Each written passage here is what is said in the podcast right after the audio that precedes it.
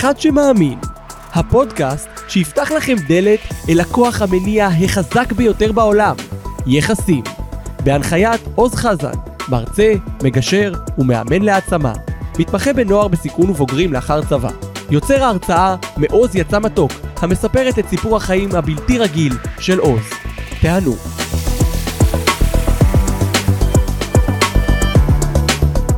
שלום לכולם, מה שלומכם? היום יש לי את העונג והכבוד אה, לארח את אה, בני קלטר. בני בן אה, 75, פנסיונר, אבא לסוף וירדן, סבא לארבעה נכדים ונכדות, כעת אה, בזוגיות. היה נשוי פעם שלישית בחייו, כי פעם אחת לא הספיקה לו. אה, הוא יליד ירושלים, לפני מלחמת השחרור הוא גדל בשכונת אה, רחביה, שכונה שבה האמינו שחברות וערכים למדינה זה מעל הכל. והוא אה, בוגר הגימנסיה רחביה, מ"פ בחיל, בחיל השריון, נלחם בארבע מלחמות, עבד כגיאולוג במכון הגיאולוגי בירושלים. בשנות ה-70, לאחר מלחמת יום הכיפור, חי, חי, חי בניו יורק, ועם חז, חזרתו לארץ, אה, הגיע הישר למעונו של אה, אריק שרון, והפך לעוזרו האישי במשך שנתיים וחצי. בני למעשה האדם היחיד אה, שיודע את האמת על הקמת ההתיישבות באיו"ש. במשך 37 שנים היה מסעדן, מתוכם 27, 27 שנים הקים וניהל את מסעדת אה, פיקין המיתולוגית. כבר 25 שנים שבני מעביר סדנאות, מטפל באנשים. לפני כשנתיים כתב ספר שנקרא מסעות בנימין, שכיום הוא גם אה, מרצה בעקבותיו. בני מאמין שהמשמעות שנתן לחייו היא להרבות טוב בעולם. אחרי פתיח כזה מדהים, עם אה, רזומה כל כך אה, ארוך, בני, מה שלומך? שלומי נהדר. נהדר, אני בא בדיוק מבית ספר, אז שלומי תמיד אחרי בית ספר נהדר. אז אני כל כך שמח לארח אותך אצלי, ואנחנו גם אה, נגיע באמת מהמקום, למקום שאתה מגיע ממנו, הישר, אה, ממשהו שעושה לך טוב בחצי שנה כמדומני האחרונות, ואני יודע כמה ממלאה אותך הנתינה הזאת למען ה- הילדים. אנחנו בטוח ניגע בזה, כי זה חלק מאוד משמעותי בפודקאסט שלנו, האחד שמאמין, ומההיכרות אה, האחרונה שלי בשנתיים האחרונות עם בני, אני יודע שבני יודע להאמין באנשים, כל חייו הוא עשה את זה, והוא גם יודע לקחת אותם דרך. אה, אני דווקא רוצה להתחיל מהסוף ולשאול אותך, איך זה להתנדב בבית ספר תיכון שבו מנסים לאסוף כמה שיותר חוויות? אה, האמת היא שההתנדבות שלי עמדה על אה, בין אה, ההוספיס בתל השומר, כי כבר ליוויתי, כבר ליוויתי אה, חולים סופניים, לבין להתנדב אה, בבית ספר, ובחרתי באלה שיש להם עוד הרבה זמן לחיות, מאשר באלה שצריכים לפרוש. ולמעשה, אה, מאחד שבא לעזור לתלמידים שנמצאים ב... בבעיות לימודיות, ותמיד המורים שולחים את אלה שקשה להם איתם,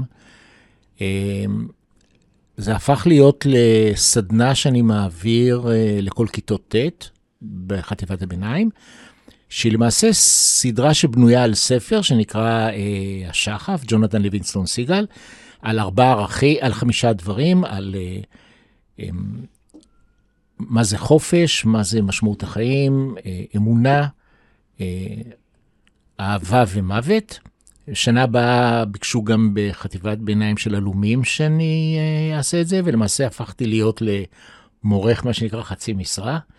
אה, וזה ממלא אותי סיפוק ענקי, אבל ענקי, אה, בייחוד שזה ילד, נערים, בני 14, נערים, נערות בני 14, שכולם אומרים זה דרך הטיק טוק והאינסטגרם, מתברר שהם גם אנשים שחושבים ונותנים תשובות שאני לא בטוח שאנשים מבוגרים מהם בהרבה שנים, ההורים שלהם מסוגלים לתת.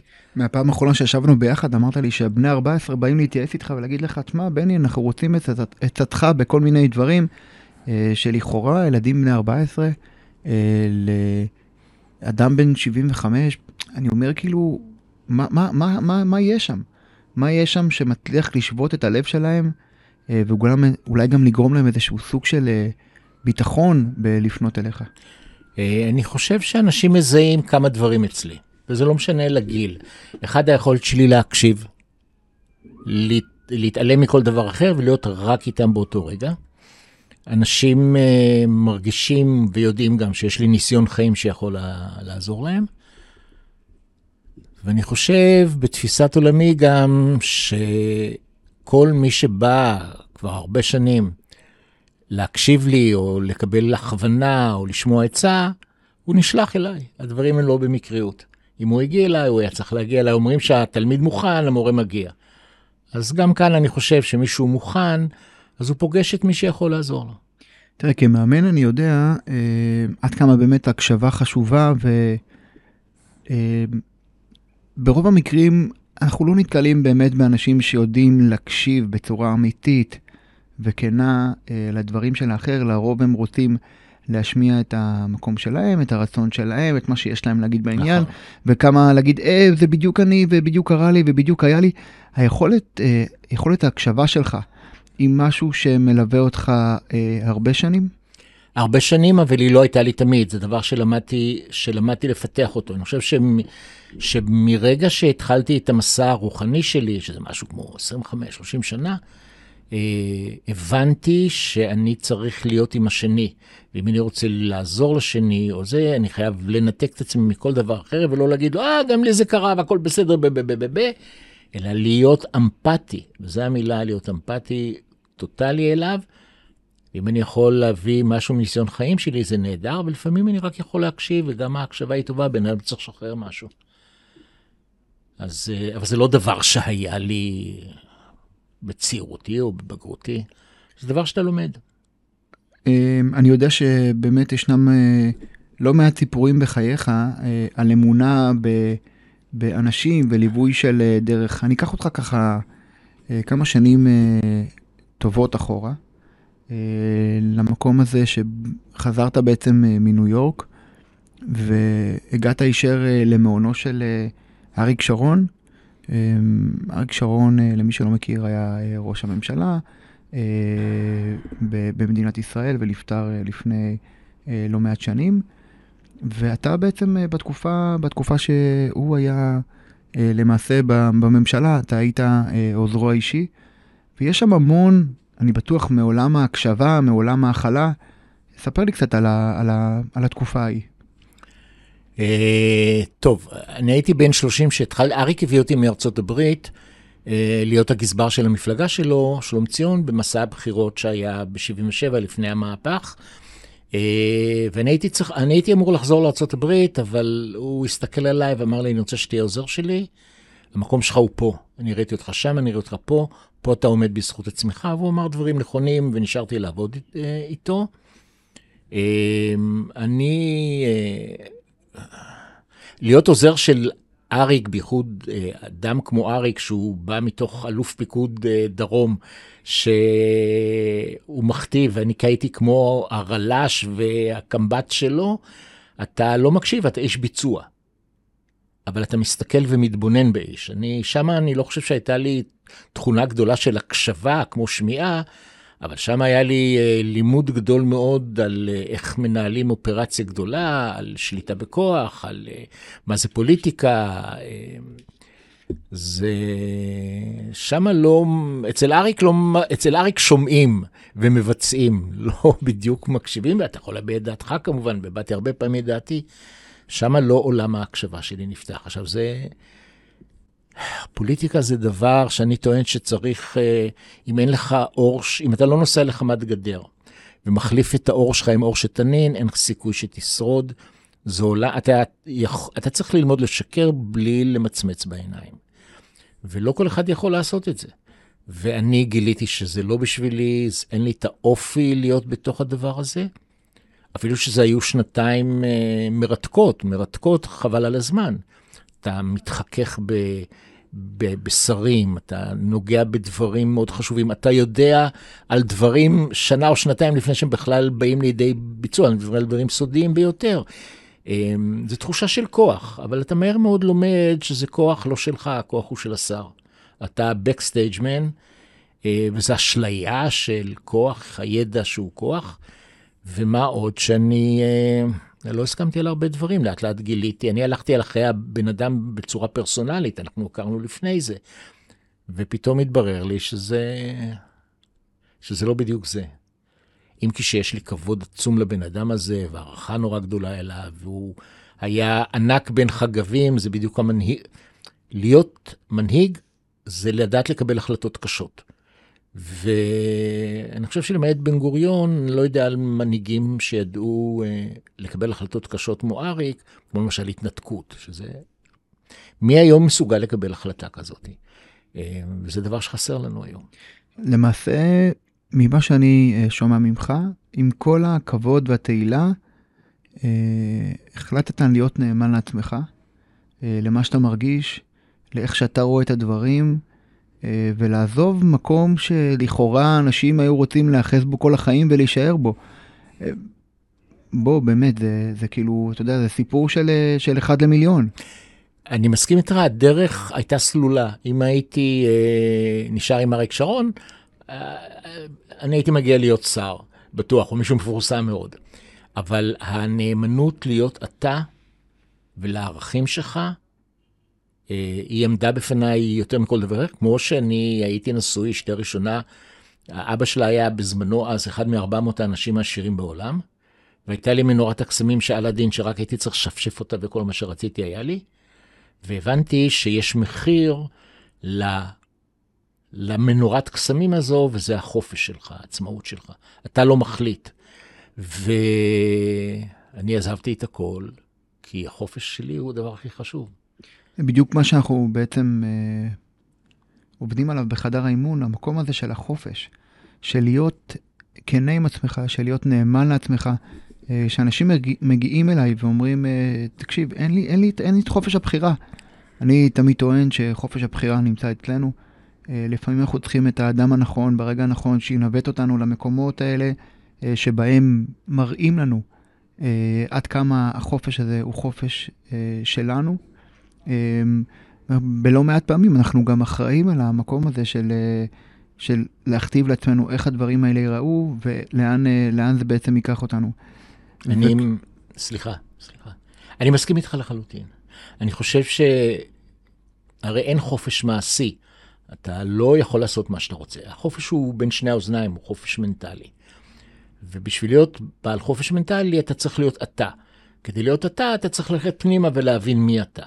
ואנשים מפחדים. אנשים לא רוצים להיכנס פנימה ולגלות הרבה צדדים שביניהם. למה? למה? כי אני מה אגיד לך, מפחיד שם? אני אגיד לך משהו. יש הרבה כאב כשאתה הולך פנימה. יש הרבה חומות הגנה שאנחנו מילדים קטנים שמים סביבנו כדי להגן על עצמנו. אתה צריך לשבור את חומות ההגנה והרבה כאב יוצא החוצה. ואתה מגלה לעצמך דברים שהם נורמליים. אחרי זה אתה מבין שזה נורמליים. שאתה לא הכי יפה, שאתה לא הכי טוב, שאתה לא תמיד צוקר פושקה, אתה גם רע ואתה מנוול ואתה אגואיסט והכל, והכל בסדר. כי אתה מכלול של כל הדברים, ואנשים, אה, אה, א', לא רוצים להתעמת עם הדברים האלה. ולהיות אתה זה לקחת אחריות. זה באמת לקחת אחריות. ואנשים, הרבה אנשים לא רוצים לקחת אחריות, נוח להם לחיות בתוך איזשהו שביל שקבעו להם, סידרו להם, ו... אבל יש משהו שמציק להם בפנים, אין להם שלוות נפש. ולכן אנשים פונים לקואוצ'רים, לאנשים כאלה, כי הם מרגישים, לא משנה אם יש להם מרצדס ליד הבית, הם מרגישים אי נחת פנימית. ואתה מגיע למקום הזה אי נחת פנימית, ככל שאתה מתבגר, ואתה רוצה לפתור את זה. וכשאתה בעצם uh, מסתכל uh, לתוך העולם הזה שהוא קצת יותר באמת פנימי ואתה מגיע קצת ככה במהלך החיים שלך uh, למקום הזה של להיות יותר עם אנשים, להיות uh, סביב אנשים. Uh, במסעדה הכי uh, בעצם uh, מיתולוגית שבה היית uh, לא מעט שנים. וכשהיית שם, אנחנו מדברים על אותו מקום, על אותו בני שרוצה רק לתת ולהעניק מעצמו למען האחר? ראשית, אני לא אגדיר את עצמי כרק רוצ, רק רוצה לתת אה, למען האחר, כי הנתינה גם נותנת לי טוב. כלומר, אם זה לא היה עושה לי טוב, אז לא הייתי נותן. אה, אני חושב שמסעדה זה המקום שבו אתה יכול הכי הרבה להביע את האהבה האנושית, אה, וזה דבר נורא מובן. אה, כשהמלאכים באים לאברהם אבינו, הוא אומר להם, שבו, רחצו רגליכם ושבו מתחת לעץ, ואגיש לכם לחמי וסעדו לבבכם.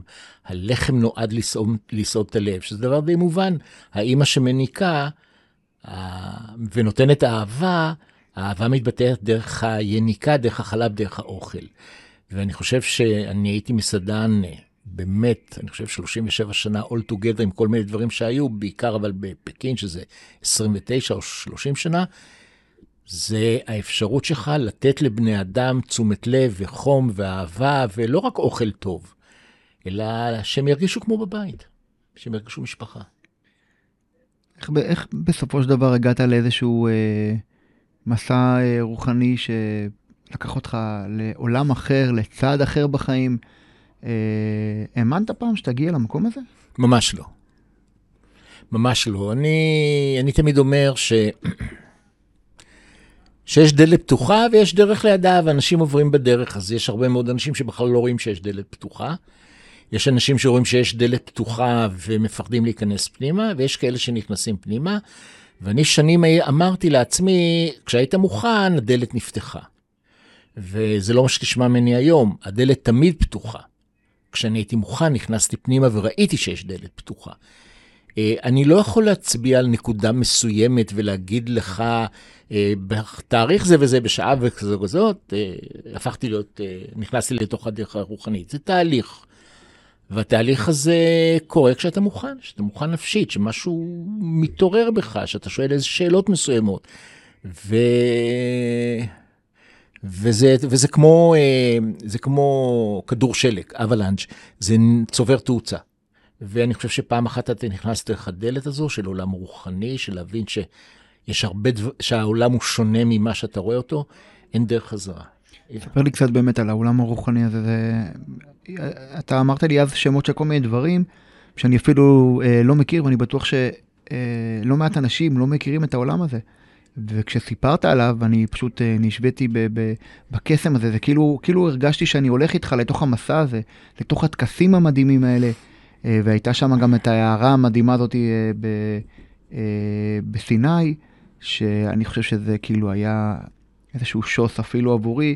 ואתה זוכר שבהרצאה שלך שהייתי, אמרתי לך, בני, אתה הצלחת לשנות אצלי משהו. אתה הצלחת להחזיר אותי לאיזושהי תקווה ואמונה, כי כשהסתכלתי עליך אמרתי, אוקיי, עם בני, שעבר כל כך הרבה, בא ומדבר על הדברים האלה בצורה הזאתי, שנייה אחת, יכול להיות שאני צריך להתבונן טיפה פנימה אה, ו- ולעשות איזשהו ככה חשבון נפש קטן, ואני מודה שזה מאוד מאוד מאוד עזר לי אה, להסתכל פנימה, כי אנחנו כמאמנים רגילים לתת לה- לאחרים את כל הכלים ואת כל העצות, אה, ובאמת להיות שם בשביל אחרים, ולפעמים שוכחים את עצמנו, ובאמת בהרצאה הזאת זכרתי את עצמי. פתאום ראיתי את עצמי אה, בתוך, ה, בתוך הסיטואציה, בתוך ההרצאה עצמה. אני זוכר שאמרת את זה וזה נורא ריגש אותי. ואמרתי לעצמי, אתה רואה, זה היה שווה לתת את ההרצאה הזו רק בשביל מה שעוז אמר לי. אה, מפני שבסופו של דבר אני מאמין שכל החוויות שחוויתי בחיים שלי נועדו כדי שאני אוכל איתם להאיר כמו נר קטן למישהו פיסת דרך מסוימת. בשביל זה כל החוויות שלי, הם לא נועדו רק לעצמי. אה, מסע רוחני שלי מתחיל בשמניזם אינדיאני, ואני אפילו, והייתי תמיד מחובר ל, לאינדיאנים בלי להבין למה. הוא מתחיל בשמניזם אינדיאני, עם חוויות מאוד חזקות. מה זה אומר אה, שמניזם אינדיאני למי שלא... שמן זה, הפירוש של המילה שמן, אה, שזה לקוח מהאסקימוסים שחיו בסיביר לפני עשרות אלפי שנה. זה זה שהולך לעולמות אחרים ומביא רפואה. כלומר, הוא לא מביא רפואה קונבנציונלית, הוא גם לא מביא ברפואה שנקראת אלטרנטיבית, לא שיטת טיפול כמו נניח רפלקסולוגיה או הילינג או דברים כאלה, הוא הולך לעולמות אחרים, כי ישנם עולמות אחרים, ומביא משם רפואה לבן אדם. בדרך כלל הם עושים את זה בעזרת uh, סמים, בעזרת uh, פיוטה או פטריות, כי זה לוקח אותך יותר מהר לעולמות האלה, לא בגלל שהם מסוממים ואוהבים סמים. וזה עולם, אה, העולם השמאני האינדיאני הוא עולם מאוד עוצמתי, הוא מאוד חזק, הוא מאוד אה, אה, יצרי, הוא מאוד צבעוני, הוא, הוא טקסי מאוד, אה, אה, כי זה חלק מהריפוי של בני אדם, שהשימוש העיקרי לדעתי זה התוף. אה, בכל התרבויות התוף הוא, הוא הפעימה של אימא האדמה והפעימת לב שלך, ולכן אנשים מתחברים לתוף. הוא התחיל בשמניזם אינדיאני, תקופה מאוד ארוכה, אה, שהייתי מטפל אנשים בקריסטלים, בתוף, התוף האינדיאני, טיפולים אנרגטיים, עד שפגשתי את הקדוש ברוך הוא. כשהייתי צריך לפגוש אותו, פגשתי את הקודש ברוך הוא. מה זאת אומרת, איך פגשת אותו? כולם פה רק מתים אה, להבין איך זה, איך זה עובד בכלל. תראה, יש אנשים ש... שאני היום מלמד על אמונה. לכיתות ט', אז אני תמיד שואל מי פה אתאיסט. אז האתאיסטים הם מדענים, החבר'ה הצעירים האלה שאומרים, תביא הוכחה, אנחנו רוצים הוכחה, תביא את אלוהים. ייכנס משהו ויגיד אני אלוהים. ואני אומר להם, אתם יודעים, אתם חושבים כמו מדענים, צריך לראות כדי להאמין, ואני אומר שצריך להאמין כדי לראות.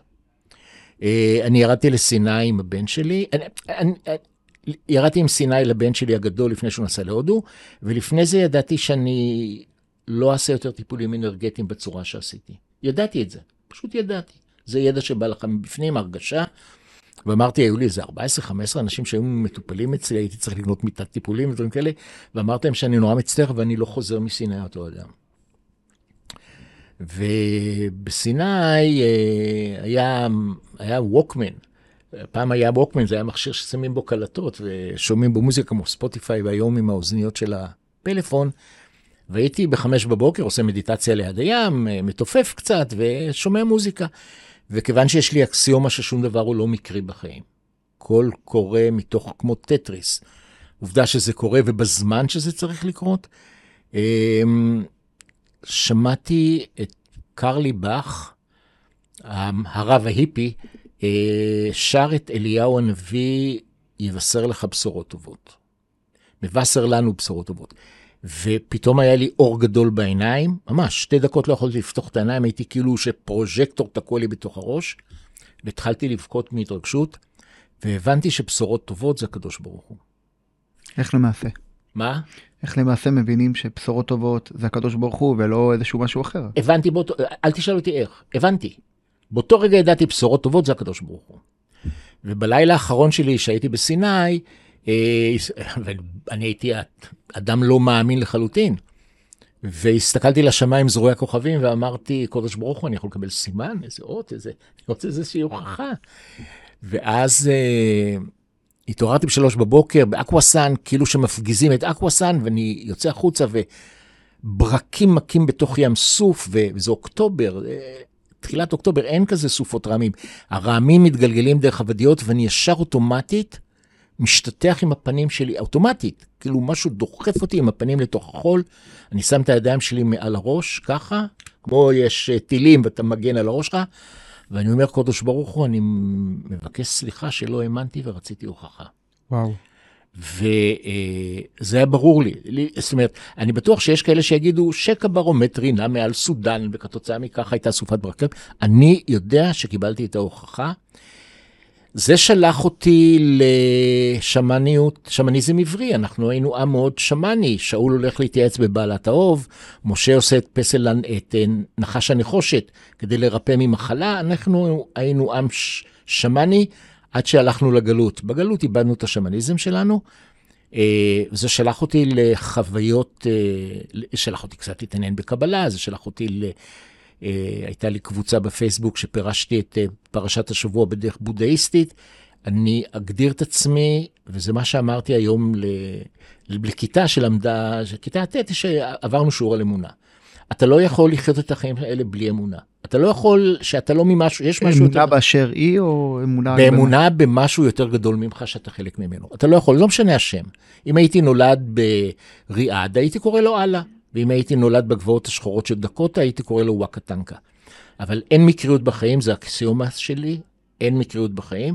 נולדתי בירושלים, 47, בית חולים שערי צדק, מלו אותי אחרי שמונה ימים, תעודת זהות כתוב יהודי, ולכן אני קורא לו קדוש ברוך הוא. ולא בשם אחר, הוא בשבילי אלוהים, זה האלוהים היהודי, כי עובדה, נולדתי כיהודי, זה לא יעזור. לא מתכחש לזה. ואני רק אומר, ואי אפשר שלא להאמין, אבל אני אומר, אני אדם מאוד מאמין, אבל אני לא אדם דתי. אני לא מחבר בין דת לאמונה. כי אני... אה, אני לא צריך מתווכים ואני לא צריך דת ואני לא צריך סיסטם שתחבר אותי לאלוהים. אני מאמין, אני אוהב אותו אהבת נפש, אבל אני לא מקיים מצוות. קודם כל, סיפור מדהים. גם כשככה מקשיבים לזה ואומרים, אה, יש פעמים שכנראה אנחנו צריכים איזשהו סימן בחיים, אה, כדי לראות ולהבין איפה אנחנו נמצאים. והפודקאסט שלנו מתעסק באחד שמאמין. עכשיו, כשכתבתי את, ה, את השם של זה, אז אה, אתה יודע, בקונוטציה, יכול להיות שבאמת היה אפשר לקחת את זה למקום האמונה אה, באלוהים וכדומה, אה, אבל זה לא רק. זה בעיקר אמונה, אמונה באנשים. אמונה בבני אדם, אמונה במקום הזה שאחד שמאמין באחר ויכול לקחת אותו דרך בחיים שלו, ומהסיפורים הרבים שיש לך, באמת ממרום אה, ניסיונך וגילך. אה, אתה זוכר מקרה שבו האמנת באדם אחר ולקחת אותו אה, דרך, ובזכות זה, אתה יודע שהיום הוא הגיע לאן שהוא הגיע והוא יוכל גם לא להיות שם? א', כן, אבל אני רוצה להסביר מה זה להאמין, מבחינתי להאמין בבני אדם. כי אני הרי לא פראייר, יש אנשים שאני לא אאמין להם בחיים, יש פוליטיקאים שאני לא אאמין להם בחיים, אוקיי? אז אני, אה, זה לא שאני מאמין בבני אדם כבני אדם, אבל נקודת ההנחה שלי היא שאלוהים זה הכל, זה אחדות. וכתוב, בצלם אלוהים ברא אותם. כלומר, כולנו נבראנו בצלם. כולנו ילדים של אלוהים. אין אחד שהוא לא ילד של אלוהים. כל דבר זה הוא של אלוהים, אבל אני אומר שבני אדם נבראו בצלם אלוהים. אז זה אצלי הבסיס בכלל לגשת לבני אדם, להבין שגם הם חלק מאלוהות, כמו שאני חלק מאלוהות. אני לא יותר טוב מהם מבחינה זאתי, ולא יותר נעלה מהם. אה, אז זה, זה הדבר הראשון. עכשיו, אני אוהב בני אדם, אני מודה בזה. אני אוהב בני אדם, אה, וזה, בני אדם תמיד ריתקו אותי, ואני... אה, אני... אז אני לא אגיד אם אני, זה לא שאלה של סומך או לא סומך, אבל uh, כנראה שיש בי דברים שגורמים לאנשים לבוא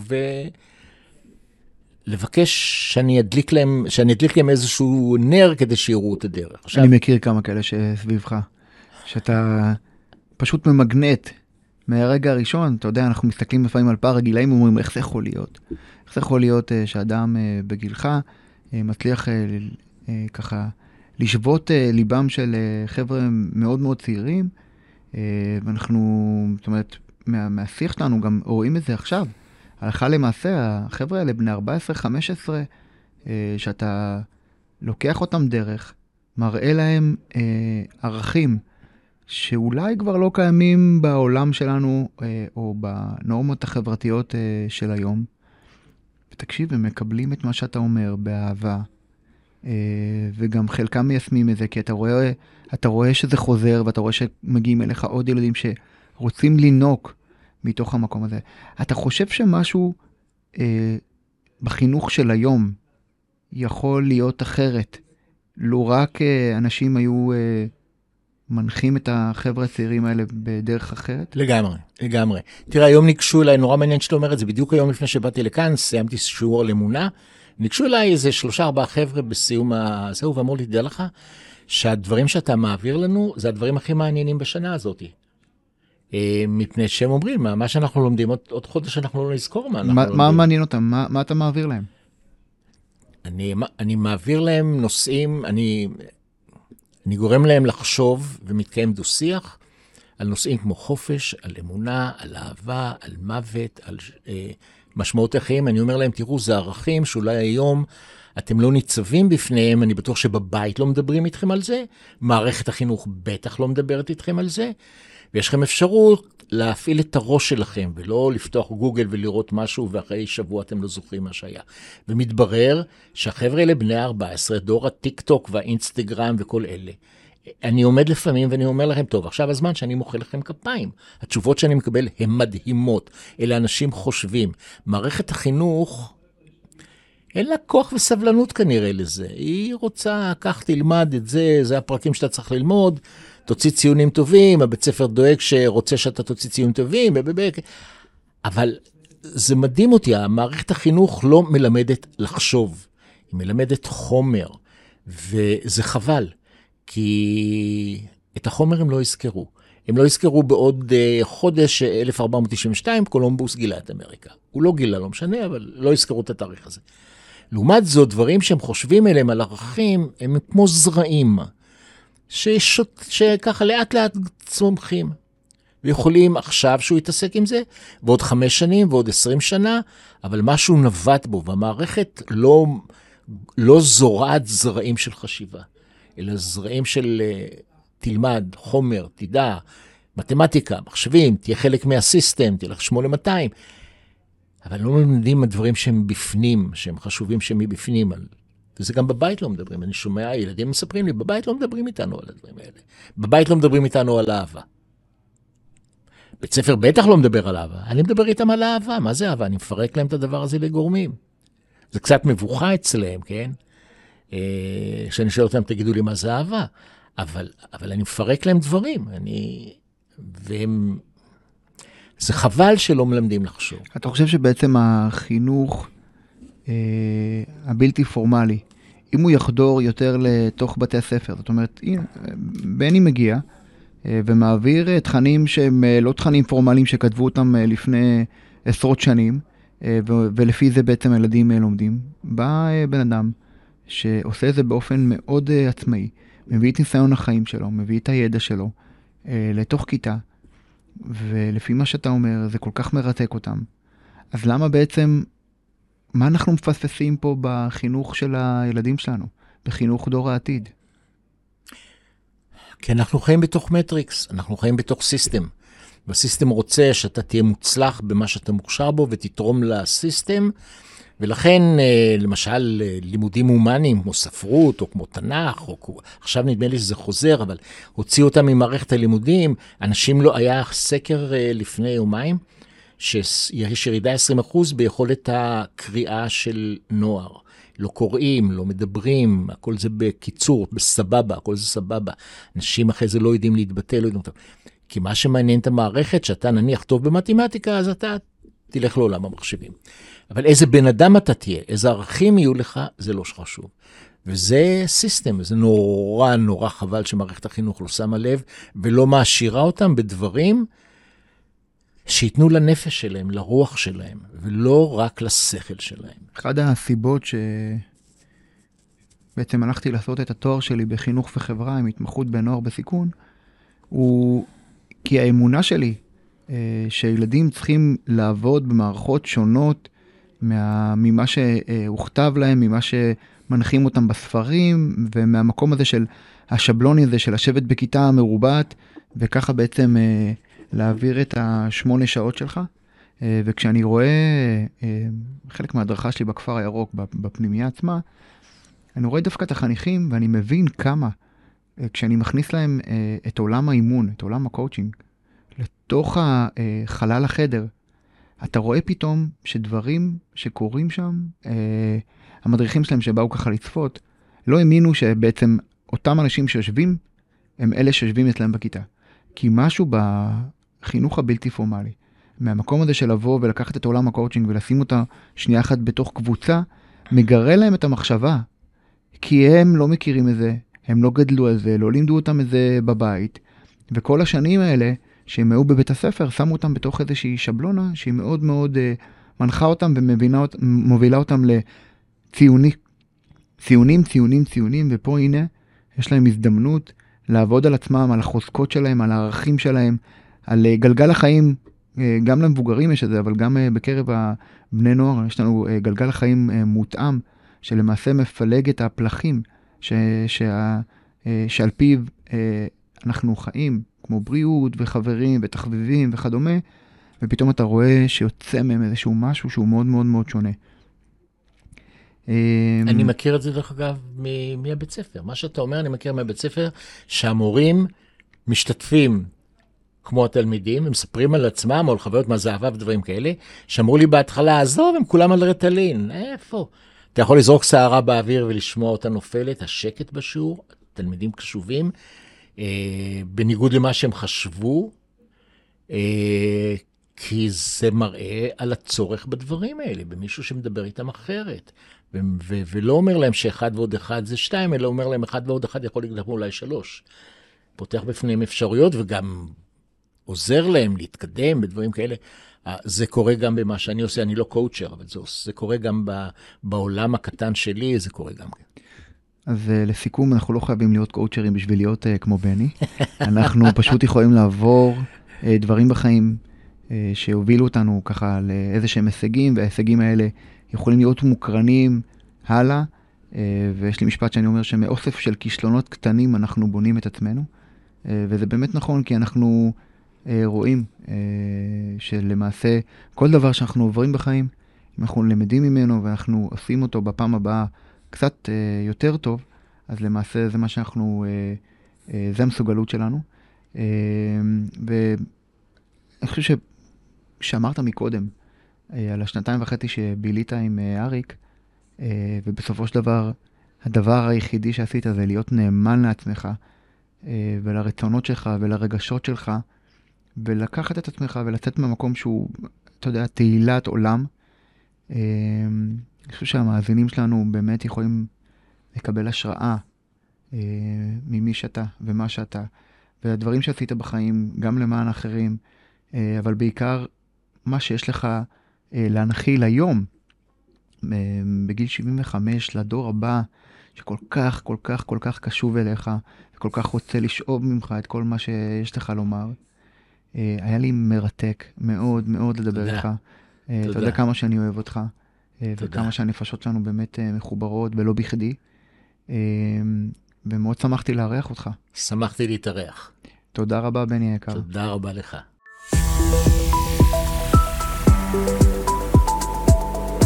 תודה רבה שהאזנתם לפודקאסט. ניתן למצוא אותנו בקבוצת הפייסבוק "הדרך להגשים את עצמך מתחיל בך", ובדף האישי עוז חזן מגשר ומאמן לשינוי. אם אתם מכירים מישהו שיכול לקבל ערך מהאזנה לפרק, נשמח שתשתפו.